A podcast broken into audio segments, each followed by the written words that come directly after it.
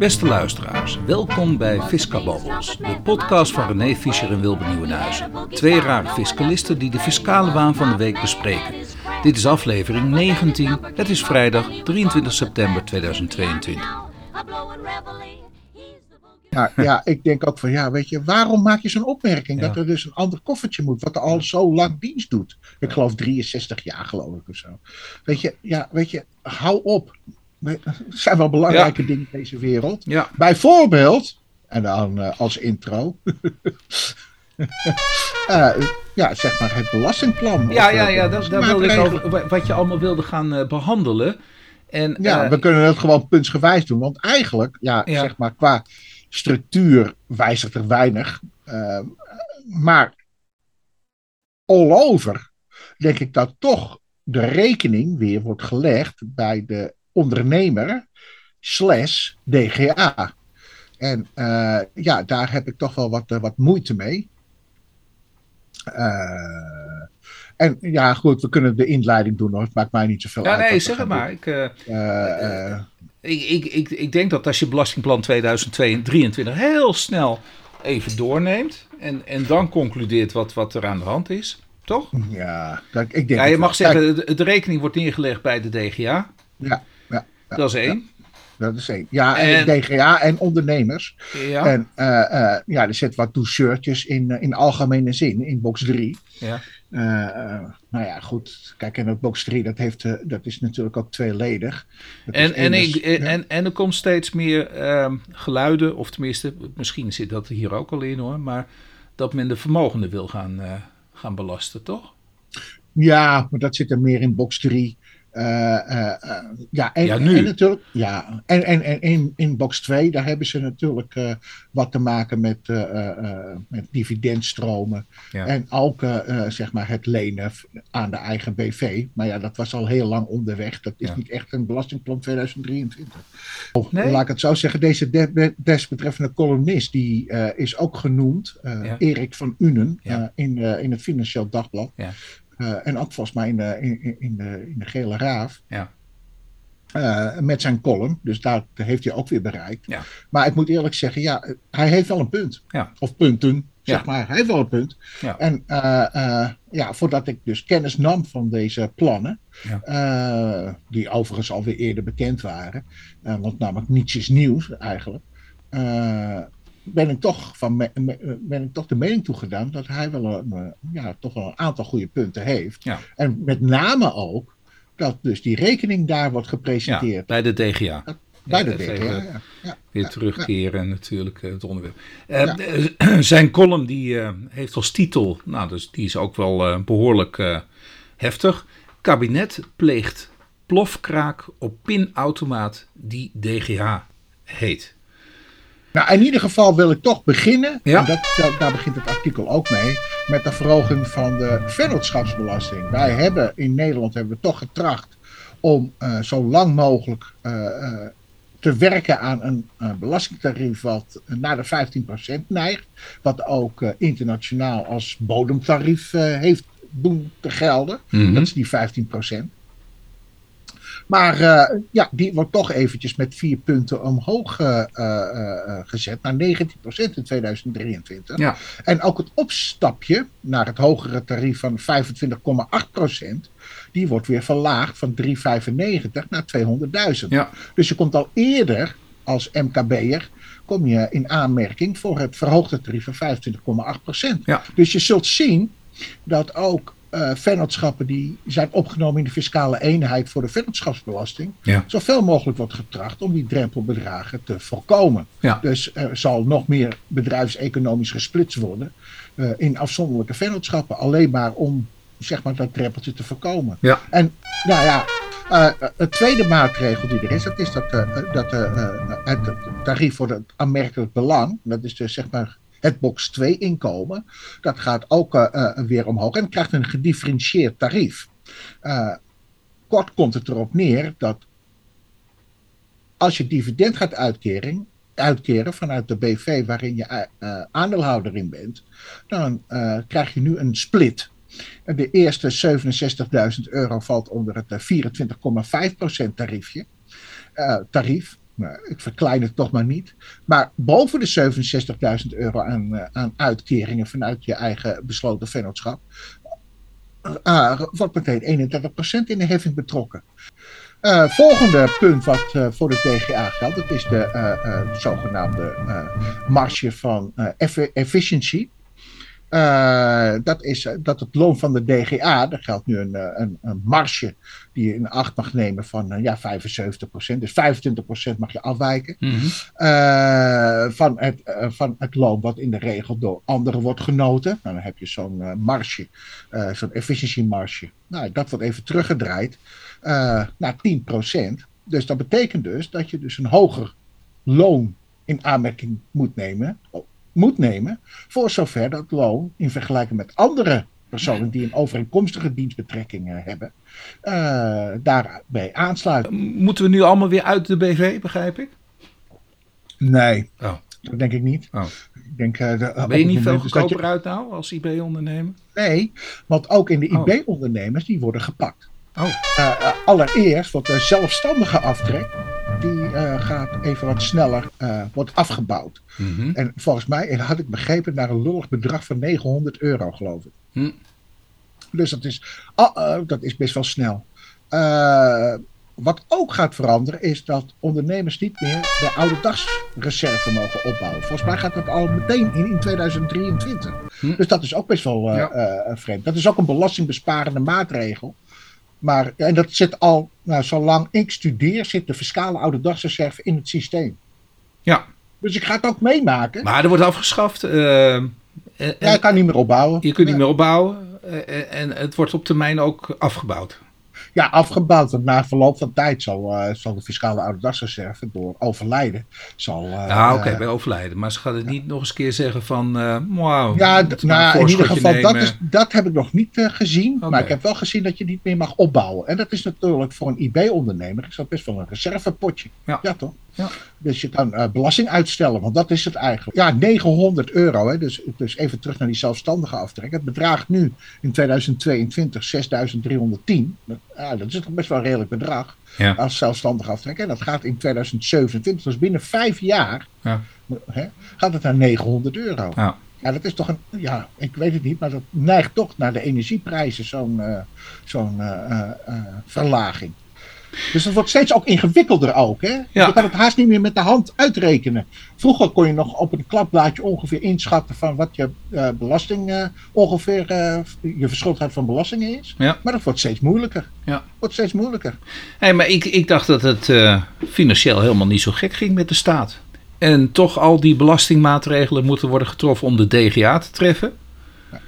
En de ondernemers. MKB-ondernemers. Ja, nou ja, nu krijgen we naar een, uh, nu krijg je toch een politieke voorkeur, of althans politiek praatje. Uh, ja, we, we, wie zit er nou allemaal in de regering? Dat is uh, ChristenUnie, ja, VVD, D66, ja, ik weet het, D66, wie zit er nog in? CDA. En uiteraard de VVD. Ja. En de VVD nou, we hebben staatssecretaris uit, uit CDA-huizen. Ja. Die ja. heeft dit allemaal bedacht. Nou, nou ja, dus goed. Die, die laat de nou ja, de vermogende laat hij nog even buiten schot. Nog even, want nou, sterker, eraan te komen. Maar ze krijgen toch één douceurtje hebben de vermogenden hebben die wel gekregen. Dat is ja, dat, dat uh, de verhoging, ja, nee, de verhoging van uh, de, uh, het vermogen. Dus het, het heffensvrij vermogen gaat van 50.000 naar 57.000 geloof ik. Okay. Nou, in ieder geval, ja, de exacte bedragen weet ik ook niet zo uit Maar dat gaat omhoog. Ja. Maar dat geldt voor iedere box 3. Dat is niet echt ondernemers gerelateerd. Nee. Kijk, als je nu ziet hoe die, uh, uh, ja, die regeling nu in elkaar steekt, uh, wordt die rekening echt wel gelegd bij de ondernemers. Echt. En als ik nou kijk. Ja, een rekening waarvoor? De rekening van waarschijnlijk COVID. En natuurlijk ook van die energierekening, die dus over alle, belast, alle ja, zeg maar, belastingplichtigen zal worden uitgesmeerd. Want namelijk dat kost geld. En, uh, maar de staat, jij ik kwam weer terug. De staat, ja. volgens de, uh, zou er helemaal niet zo slecht bij staan financieel.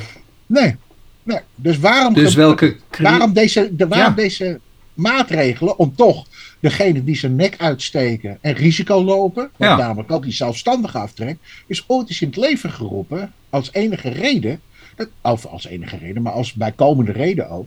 Om de ondernemers te faciliteren voor het risico die ze lopen. Ja. Uh, en uh, als ik dat nou toch afzet tegen uh, ja, toch het politieke plaatje. terug, VVD. Het was vroeger voor de ondernemer. Ja, en het is de grootste partij. Ja. Ja, dan begrijp ik deze maatregelen echt niet. Echt nee. niet. En uh, uh, ja, maar ja, uit welke koker dit komt, dat is eigenlijk niet zo relevant. Is er, is er de nog een, een, laat dit gebeuren. Is er nog een politieke partij voor ondernemers? Of. Ja, ik denk toch dat de VVD wakker moet worden geschud.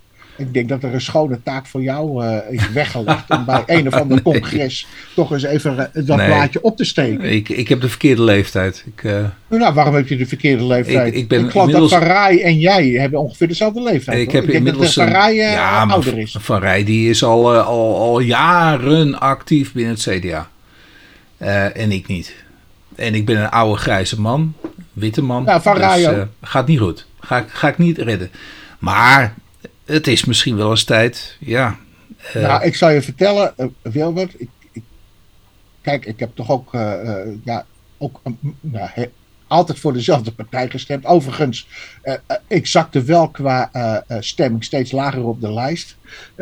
Op een gegeven moment is het van onderop en dan de eerste vrouw die er dan op staat. maar maar dit, kan ik, dit kan ik echt niet geloven. Ik kan niet geloven dat, dat op dit moment de VVD dit, dit, dit toestaat. Ja. Nee, nee. En, kijk, en joh, weet je, er valt alles voor te zeggen. En compromissen sluiten, zoals eh, Sophie Hermans dat noemt. Enzovoort. En verantwoordelijkheid dragen. dit, is geen, allemaal wel. dit zijn geen dit- compromissen meer. Nee, Dat- dit is geen compromissen meer. Dit is gewoon eh, eh, ja, op het kloes blijven zitten. omdat andere mensen of andere partijen dit van jou verwachten. Ja. Dat, ze, dat je toegeeft. Ja. En, ik, en ik heb ook helemaal niets gehoord dat de VVD zich hier tegen verzet. Kijk, en dit gaat toch echt wel de MKB. nou, ik, weet niet wat hiervoor voor teruggekregen is dan. Nee, wat is er de ruil geweest? Wat is de ruil geweest? Want namelijk, eh, al, de, de crisissen, die eh, worden niet opgelost. Nou, Ja. waar leidt dit toe? Dat wilde ik even terugkomen. Dit leidt heel eenvoudig. Ondernemers passen zich aan. Ja. En de ondernemers die gaan dan dus, ja, ze kunnen niet anders die prijzen verhogen. Want dan moet er blijkbaar toch meer winst worden gedraaid. Ja, dat denk ik ook. Ja, het wordt allemaal afgewend op de consument. En ik denk en, ja, maar ik bedoel, door prijsinflatie en dergelijke, Kijk. wordt het weer duurder. eh, dus we zitten nu juist in een periode van inflatie. Ja. En wat gaan we doen? We gaan juist de ondernemers, gaan we dan pakken, ja, met belastingmaatregelen. En die gaan het toch gewoon weer. Ja, eh, denk maar niet dat, dat, dat ze het hierbij laten zitten. En dat, dat ze denken, nou, dan worden wij maar armer. Dus het, het verhaal van mevrouw Kaag, we worden allemaal armer. Nou ja, ik weet niet of dat zo, zo werkt. Nee, het zal, op een of andere manier wordt het toch weer verdisconteerd in de prijs. Eh, en overigens, als we ook, ja, dat is ook iets niet liberaals hoor, eh, eh, Wilbert, om zeg maar een bijzondere tarief in te stellen voor degenen die allemaal winst hebben. Ja, gemaakt. daar heb je ook de windfall, hè? Dat, Ja, de windfall. Ja, Ja. het is echt, ja, joh, ik denk nou, wat- Misschien- wat krijgen we nou? joh? Misschien het onderwerp snel even behandelen ook. Ja, nou ja, goed. Dat heet dan een eh, windfall tax, die dus, eh, die dus eh, zal worden ingevoerd. En dat, dat wil kennelijk ook de Tweede Kamer. Maar wat wil de Tweede Kamer? Die wil dat de, de regering een grondslag creëert ten behoeve van een windfall tax. Hiermee moet ook in Nederland op korte termijn een wettelijke basis komen voor het opleggen van heffingen bij bedrijven die onevenredig veel profiteren van een crisis. Ja. Een motie van die strekking is op 13 september 2022 aangenomen. Ja. Dus als je dit gaat analyseren, dan zitten heel veel, of althans open eindes zitten Ja, erin. maar nou, e- e- eerst even, men constateert, eh, al dan niet terecht, dat er bedrijven zijn ja, die het nu op dit moment best goed doen. Ja. Als gevolg natuurlijk van die, nou, de energiecrisis. Ja. Die zijn in dat eh, gat gesprongen. Die zien dat er inderdaad eh, van alles en nog wat te verdienen valt. En die doen dat en die halen winsten. Ja. En nu, nu zegt dan de politiek: Oh, jullie hebben extra winst. Hebben jullie nu geboekt? Hè, daar komt het op neer. Ja, die willen we dan wel gaan belasten. Extra gaan belasten. Hè, Ja, bovenop het extra normale. gaan belasten. Ja. Hoe, hoe doe je dat? Kun kun je niet achteraf doen, toch? Nee, dat moet je vooraf doen. Maar ja, dan ben je misschien alweer te laat, omdat maar de energieprijzen heel anders zijn. Ja. ja, waarschijnlijk. Dus nu gaan ze zo direct iets... Een, ja, ik weet niet hoe je dat moet doen, doen hoor, maar...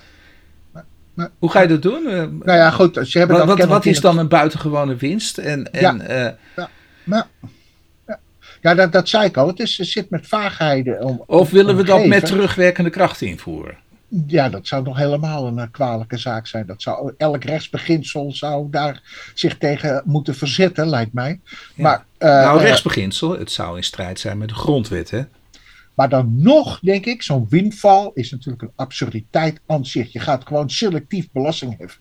Dat, dat doet mij denken aan uh, de raambelasting. Ik kan me dat nog herinneren. in Amsterdam had je de raambelasting. Gewoon willekeurige belasting. Van joh, als je te veel ramen hebt, gaan we dat belasten. Ja. En, nou, nee, niet te veel. De, de, de gedachte erachter, als je veel ramen hebt, hebt dan ben je vermogend. Want alleen mensen die vermogend waren, konden zich permitteren om een raam in hun huis te kunnen hebben. Ja.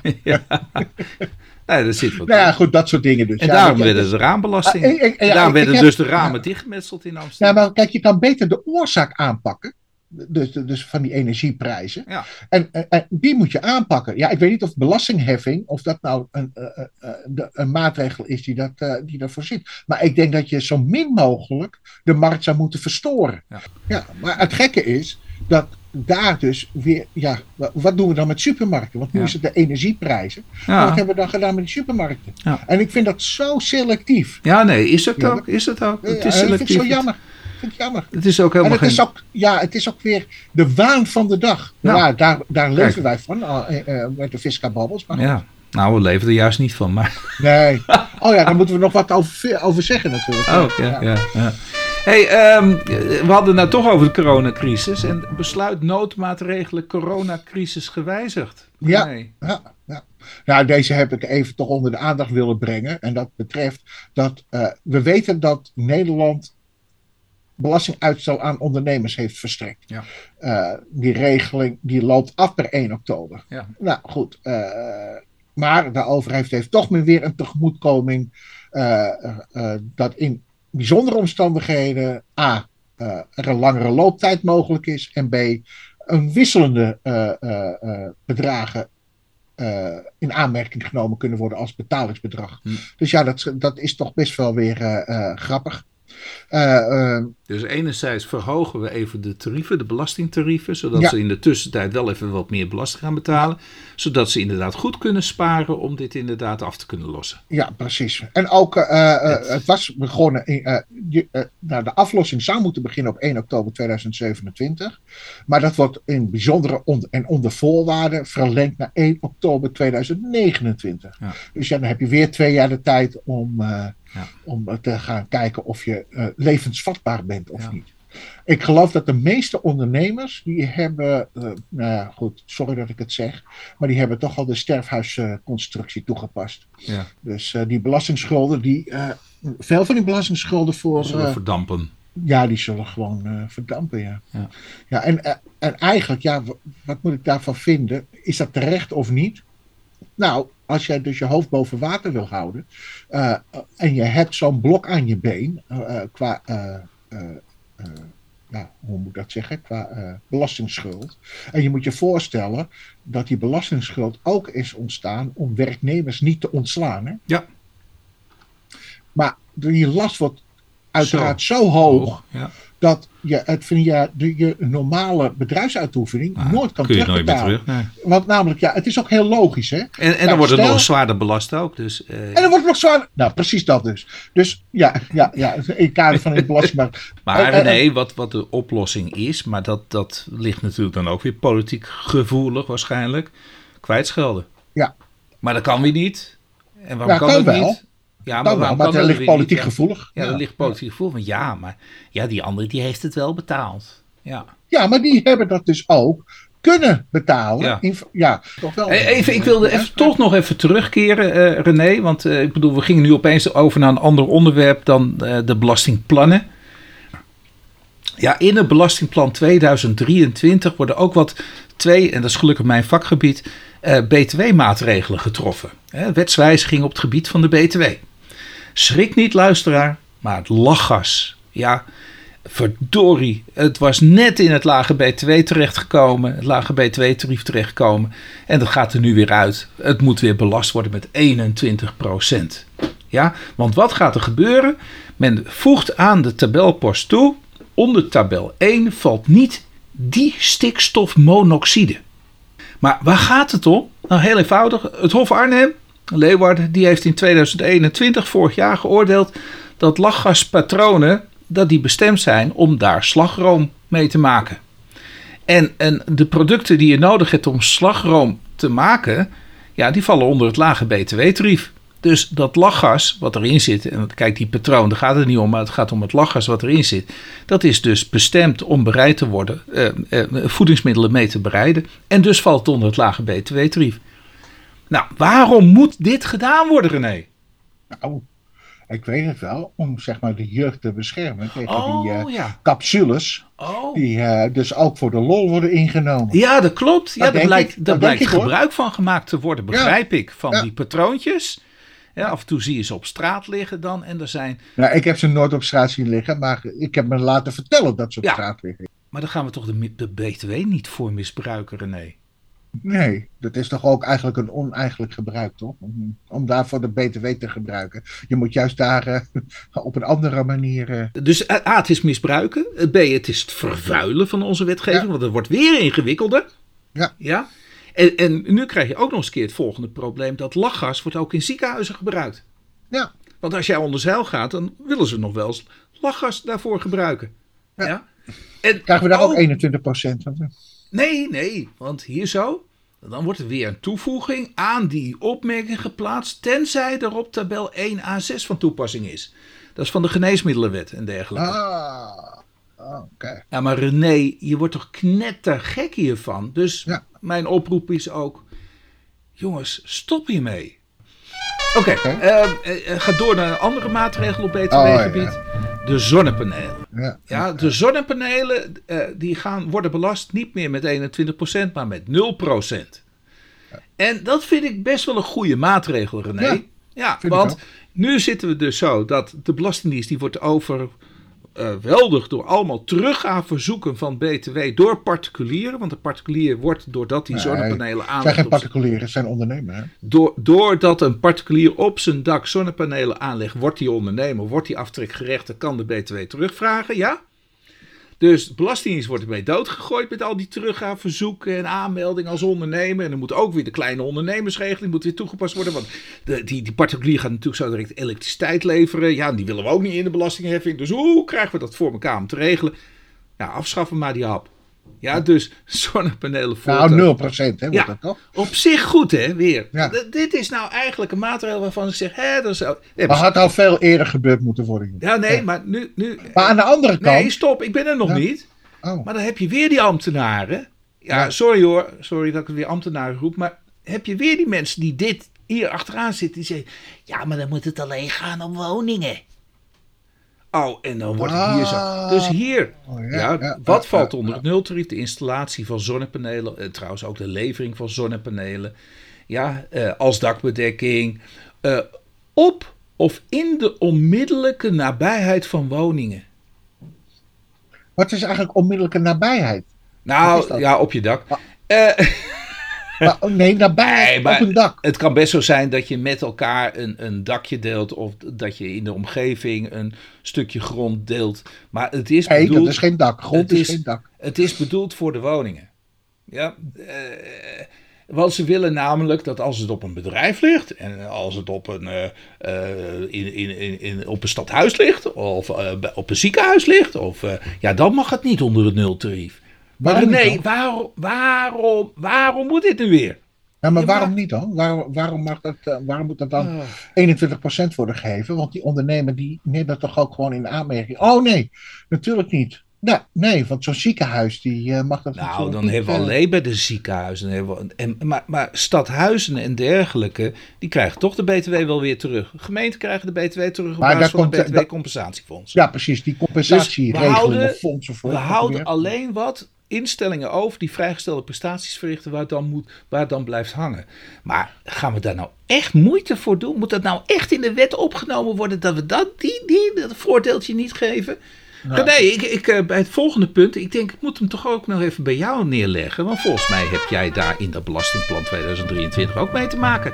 Zeker. Zat jij niet in een stichting met een, met, met een bestelautovrijstelling? Of, uh, of, nee, nee. ja, we, niet met bestelautovrijstelling, maar wel, maar inderdaad, ja, dus, dus uh, uh, ja, ik zit in zo'n stichting die uh, zich voornamelijk inzet voor, uh, voor het vervoer voor, tussen verenigingen en stichtingen ja. van personen, maar, maar ook van goederen. Oh. Bijvoorbeeld als er een activiteit is met betrekking tot bijvoorbeeld een, een, fietstocht, ik doe maar wat. Ja. nou ja, dan moeten die fietsen wel vervoerd worden. Ja. Dus dat gaat dan via zo'n bestelbus. Dus nou, voor, voor een goed doel, hè, begrijp ik. Ja, het is allemaal goed doel. Dus een ambi-instelling, begrijp ik ook. Ja, zeker. Ja, ja, ja. ja, algemeen, Voor de luisteraar een algemeen nutbehogende instelling. Uh, maar maar uh, uh, wilde jij toen ook niet een BPM-vrijstelling krijgen? ja, ja, maar volgens mij zat er ook geen BPM meer op, volgens mij. Maar ja, maar waarom ook weer niet? Ja, dat weet ik eigenlijk niet eens. Had het niet te maken met het ondernemerschap? Dat jullie... Ja, precies. Ja, die, die dan werd gemist of zoiets dergelijks. Ja, ja, ja toen moest je ondernemer zijn, toch? Voor de BTW? Ja, ja, ja. Nou, heb je maar, maar even aangevraagd, toch? Ja. Ja. Nou ja, dat, uh, daar, daar wordt klaarblijkelijk... Uh, Misbruik van gemaakt. Nou, dat vinden ze dan nu. Ja. En dat wordt nu dan lekker afgeschaft. Ook weer met het, ja, 1 januari milieu, 2025. Ja, het heeft weer met milieu te maken nu. Want nu zeggen ze ja, dat... Uh, uh, allereerst, we, we, we, merken een belastingderving. Hè, dus we krijgen te weinig autobelastingen dus. Uh, te weinig BPM krijgen we nu. en bovendien, die bestelautootjes, die in vergelijking tot personenauto's, stoten ze meer CO2 en stikstofdioxide en fijnstof uit dan nou, en dus dat willen we tegengaan. Dus, nou ja, einde oefening. Dus ik, einde oefening. ik was nou juist van plan. Om de auto aan te schaffen. Nou ja, kijk, als de kinderen de deur uit zijn, dan heb ik nog maar twee plaatsen nodig natuurlijk. En uh, nou ja, uh, als je een Land Rover neemt en je maakt gewoon ongedaan dat je daar achterin. Eh, is dat niet een, ook een bestelauto geworden? Dan zou ik een, uh, een leuke BPM. Maar ja, je weet ik veel. Ik, uh... Maar weet je, je kan in 2024 kan je dat idee nog uitvoeren. Nou ja, dan moet ik pas in met 1 januari 2025. Dus ja, maar mijn jongste is 13, dus uh, is net even te vroeg. Uh, nou ja, goed, die moet je dan illegaal vervoeren. Hè? Overigens, uh, als, als je wordt gesnaaid, dan krijg je daar ook wel weer een Ja, dan krijg je BBM eroverheen. overheen. Ja. Maar we kunnen deze gewoon even doen. Dat heeft te maken met een, uh, een verlies die uh, die uh, geconstateerd is. Door, omdat er een vermogen ter beschikking is gesteld aan een besloten vennootschap. Mm En bij een vermogen die ter beschikking is gesteld aan een besloten vennootschap waarin jij dus een aanmerkelijk belang hebt, valt die vordering onder de ter beschikkingstellingsregeling. Mm En op het moment dus dat die vordering niet kan worden geïnd, zal de waarde van die vordering minder zijn dan het nominale bedrag. En in de regel is het dan zo dat uh, dat verlies in box 1 in aanmerking zou mogen uh, worden genomen. Maar wat is nou altijd de discussie? heeft die vordering die je hebt gekregen op de vennootschap, heeft dat een zakelijk karakter of heeft aandeelhoudersmotieven een veel belangrijkere rol gespeeld? Oftewel, de discussie, is er sprake van een zakelijke ter beschikkingstelling of heeft het een, te maken met een niet-zakelijke ter beschikkingstelling? Dat is de discussie. Ja. Nou, en hier hebben we dus weer te maken met zo'n discussie. Ja. En uh, in dit geval is het dus zo dat uh, er wordt geld ter beschikking gesteld. Mm -hmm. Het komt voor de rechter. En wat zegt dan de inspecteur? Ja, dat is niet zakelijk, want geen enkele onafhankelijke derde zou onder die omstandigheden, onder dezelfde omstandigheden, deze financiering zijn aangegaan. Ja. Dat is dan de discussie. Nou goed. Dus een derde zou niet zo'n lage ja, rente hebben. Een willekeurige derde. Nou goed. Ja? Maar, een, een, willekeurige derde zou ook niet hebben gezegd van nou, uh, er is geen verplichting om de rente te betalen. Ja. Nou ja, goed. Ja, ja, dat zijn de afspraken die dan eronder liggen. Hè? Dus dat zijn dan maar ja, het zijn allemaal wat meespeelt natuurlijk in deze casus, begrijp ik.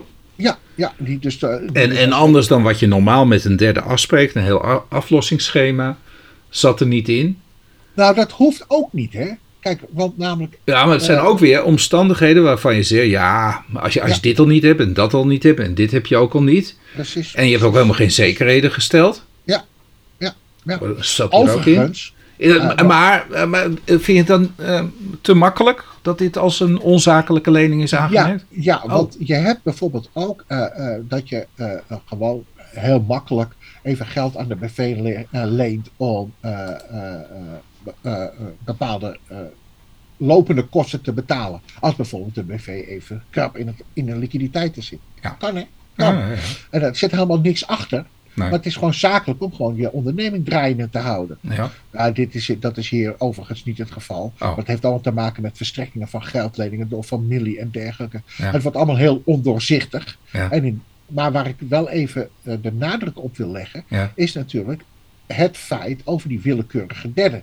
Wie is dan die willekeurige derde waaraan getoetst wordt? Hè? Dat is, dat, de rechter heeft daar dus ook een middel doorgevonden om dat zo makkelijk mogelijk eh, een willekeurige derde in het leven te roepen. Ja. Hè? Dat is dus nu ook de discussie. Ja. Voor ja. de luisteraar, het is een uitspraak Oh. van Hof Arnhem-Leeuwarden, Ja. 30 augustus 2022, nummer 21, schrap 00196. Ja. Oké. En eigenlijk, eh, eh, ja, en deze is voor jou. Ach, Die had ik, ja, tuurlijk. nou ja, kijk, ik, ik vind het best moeilijk. Nou, Oh! Ja, maar we- weet je waarom ook? Ik, kijk, Ja, kijk, ik, ik wist ook? dat helemaal niet. oh, je maar wist het dat is dus- helemaal niet. Nee, dat Phoenix International Ltd. Dat dat achter dat- zit. Ja, precies. Oké. Nou ja, goed, ik moest daar eerst OnlyFans nog even zoeken. Ja, want ja. Daar lees ik wel eens wat over. Ja, Maar het is nogal ondeugend. Althans, veel. eh, nou ja, het wordt gebruikt om zeg maar jezelf eh, eh, te kijk te zetten. Ja. Dat begrijp ik eruit. Nou, het is een Engelse zaak die bij het Hof van Justitie ligt. En oh, is dat nog, oh, oh, het, is nog onder de, het ligt nog onder de hamer. Daar gaat het over. Dus, en op dat moment zat eh, ja, Engeland nog in, in de Europese Unie. Ja. Eh, gold er in Engeland dus nog steeds dat men verplicht was om de BTW-richtlijn uiteraard eh, Ja. na te leven. Ja. Maar dit gaat eh, inderdaad over OnlyFans. En eh, eh, voor de luisteraars thuis hoef ik toch niet uit te leggen, want dat heeft niks met BTW te maken wat OnlyFans inhoudt. Maar nou, waarschijnlijk wel, want jij zit al wel een beetje te kijken dat je dat toch wel graag uitgelegd wil zien. Maar OnlyFans is een, eh, een soort platform, een, een online platform op het internet. en daar kunnen, eh, ehm, ja, hoe zal ik het noemen? Creators noemen ze zichzelf. Eh, ik, ik had het in de zaak die ik heb gevoerd over performers. Ja, eh, die kunnen zichzelf eh, eh, aanbieden aan, ja, aan de mensen die op het platform komen kijken. ja, die zich ook abonneren, toch? Dat is toch van. Ja, abonnees en dergelijke. Ja, klopt. Maar wat je dus ziet is dat er content makers zijn. Ja, dus de- zo staat het ook hier zo. creators. En die, die, nou ja, gewoon. Waar, waar, ik zal mijn zaak vertellen. Eh, mijn zaak die is vorig jaar beslist door het Hof eh, Den Bosch. In eh, het voordeel van mijn cliënt. Cliënten moet ik eigenlijk zeggen. Ik heb de zaak gewonnen. En, eh, en, en daar komt die discussie die hier gaat, die komt op een heel ander vlak te liggen. Want, en dat geldt voor heel veel in de BTW. Toevallig had ik vanochtend ook nog een student aan de telefoon en die ging het over Bitcoin hebben. Ik zei ja, maar jij gaat mij nu eens een keer uitleggen. Hoe, hoe werkt dat nou exact precies? Wie is degene die presteert? Wie zit er allemaal tussen? Wie werkt er allemaal aan mee? Wat doet hij exact? Waar ligt de bezwarende titel? Met wie heeft hij een overeenkomst gesloten? Eh, wie gaat daarvoor betalen? Wie bepaalt de prijs? Hoe, hoe, hoe werkt dat? Dat moet je mij gaan vertellen. En dan kan ik vertellen hoe de BTW in elkaar zit. Hoe, hoe je dat moet loslaten. En in deze zaak mis ik dat gigantisch. Oké. Er worden hier Ja. vragen gesteld die dus niet, die niet relevant zijn, denk ik. Dat als je de casus goed in, uh, uiteenzet, ja, dat je tot een heel ander resultaat moet komen. Maar ja, uh, soms wordt Nou ja, die AG die heeft al, uh, die heeft al geconcludeerd. Ja. Dus, maar even en, terug, ik heb een zaak gehad bij het, het Hof ten Bosch. eh, in mijn zaken althans, heb ik uitgelegd hoe het echt werkt. Als je dat helemaal keurig uit elkaar rafelt, en dat is, en, en dat is wel het mooie, hè, dat, dat is, uh, heb ik kunnen aantonen dat dat de economische realiteit is, een heel belangrijk iets. Hè, want het kan best zo zijn dat je iets op papier heel mooi maakt, maar dat het daadwerkelijk niet zo is. Nee, ik heb kunnen aantonen dat datgene wat er op papier staat ook daadwerkelijk op die manier plaatsvindt. Ja, dan kun je geen andere conclusie trekken dat mijn klant, die is dienstverlener richting de contentmakers. Dus de studio's. De studio's neemt de streamingdienst af van mijn klant. Die hebben, die zijn prijzen overeengekomen. Ja, en het is niet andersom. Zij hebben niet bepaald van welke prijs jij mag berekenen aan de consument. Maar dat heb je dus helemaal uit elkaar getrokken. En zo zie je dus ook de onderlinge prestaties die mogelijk met BTW. Ja. Uh, uh, en dat, dat, dat verschilt per geval. Hè? Ja, nou ja, goed. Zullen we kijken, hebben we nog wat? We hebben nog wat. Oh, deze. Oh, dat vind ik ook zo leuk. Dit, oh. Echt waar. Ik heb weer gelachen. Oh.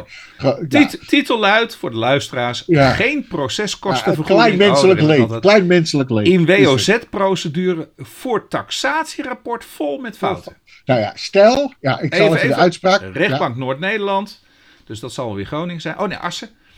13 juli 2022. AWB Lee van Leeuwarden. Dubbel E. 21 schrap 525. Nou, René. Zitplaats, zitplaats Assen. Ja, zitplaats Assen. Ja, ja, maar wat ik. Kijk, je gaat met je goede bedoelingen. ga je een worstbezwaar ga je maken. Ja. Dus je, maakt bezwaar tegen de vastgestelde waarde. voor, uh, voor uh, de wet uh, waardering onroerende zaken. Ja. daarvoor huur je een taxateur ja. in. Dat, ja, dat ga je zelf niet doen. Het is een taxatierapport, dus je huurt dat in. Vervolgens blijkt dus ter zitting, kennelijk, dat er allerlei fouten en verwijzingen en uh, dat klopt allemaal niet. En ook uh, de vergelijkbare woningen, dat klopt allemaal niet. Het Daar betaal je. Het was een slechte taxateur.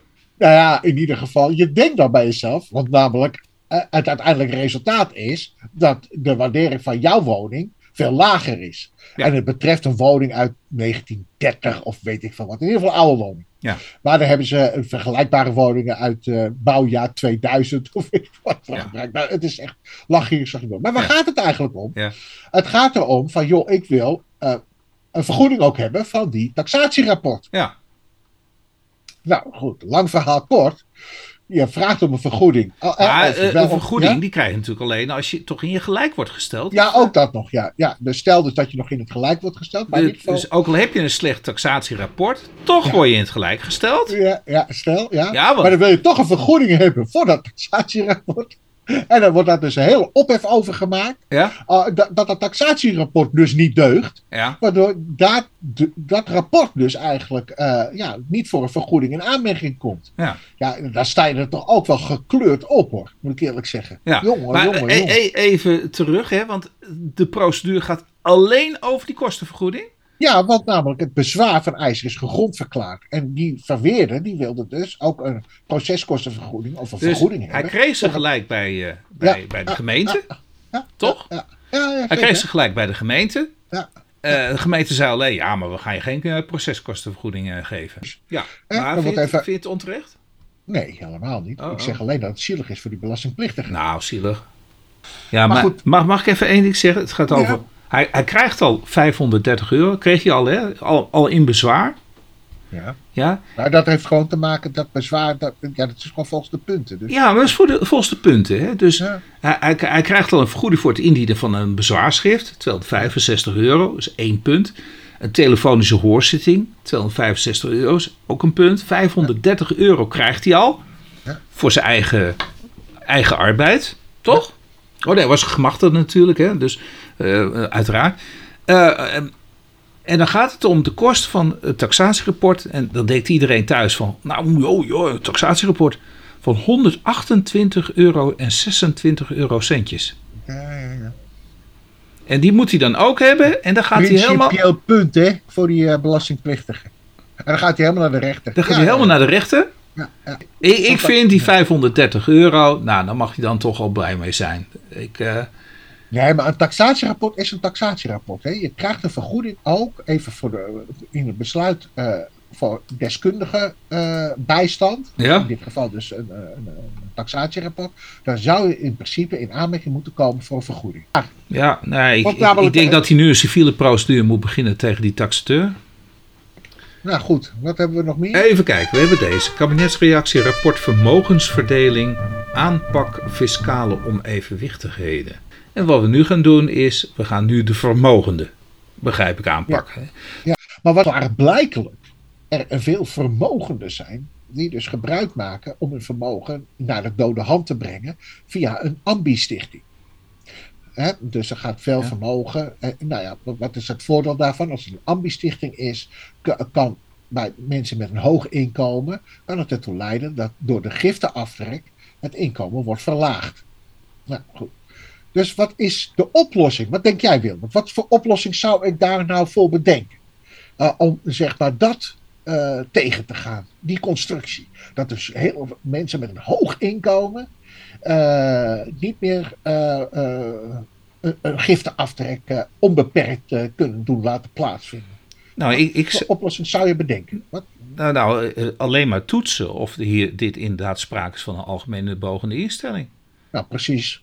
Dat zou je des denken. Maar Want, nee, wat, wat, gaat, wat gaat deze overheid doen, denk je? Wat, wat, wat voor oplossing hebben ze Nee, ze maken het onmogelijk om nog meer aan die al, algemene beogende instellingen wat te, te schenken. Ja, ze gaan daar, komt ie hoor, dat is ook weer echt typisch Nederlands, een drempel invoeren. Ja. Dus je mag niet meer dan 250.000 euro in één jaar aan een een goed doel. Aan een ambi, aan een ambi uh, schenken. Maar het is toch de bedoeling Ah, dat je het goede doel toetst? Ja, dat is dus de bedoeling. Nee, maar het gaat dus op die inkomenskant uh, zitten. Ja. En daarnaast ook nog iets. Parij heeft die giftenregeling ook al onder de loep willen nemen. Die zegt ook al van ja, die giftenregeling is niet efficiënt. Nogmaals, die giftenregeling die dateert nog van voor, ja, net na de zegel. Uh, ik geloof dat al voor, voor, voor 1940 was er al iets van een giftenaftrek mogelijk. Maar nee, maar nu is het ineens niet meer efficiënt. Dus ja, dat is toch ook best wel weer gek hoor, hoe dat, uh, hoe dat, uh, hoe dat, hoe, hoe, dat ja, politiek wordt beantwoord of wordt ingevuld. Ja.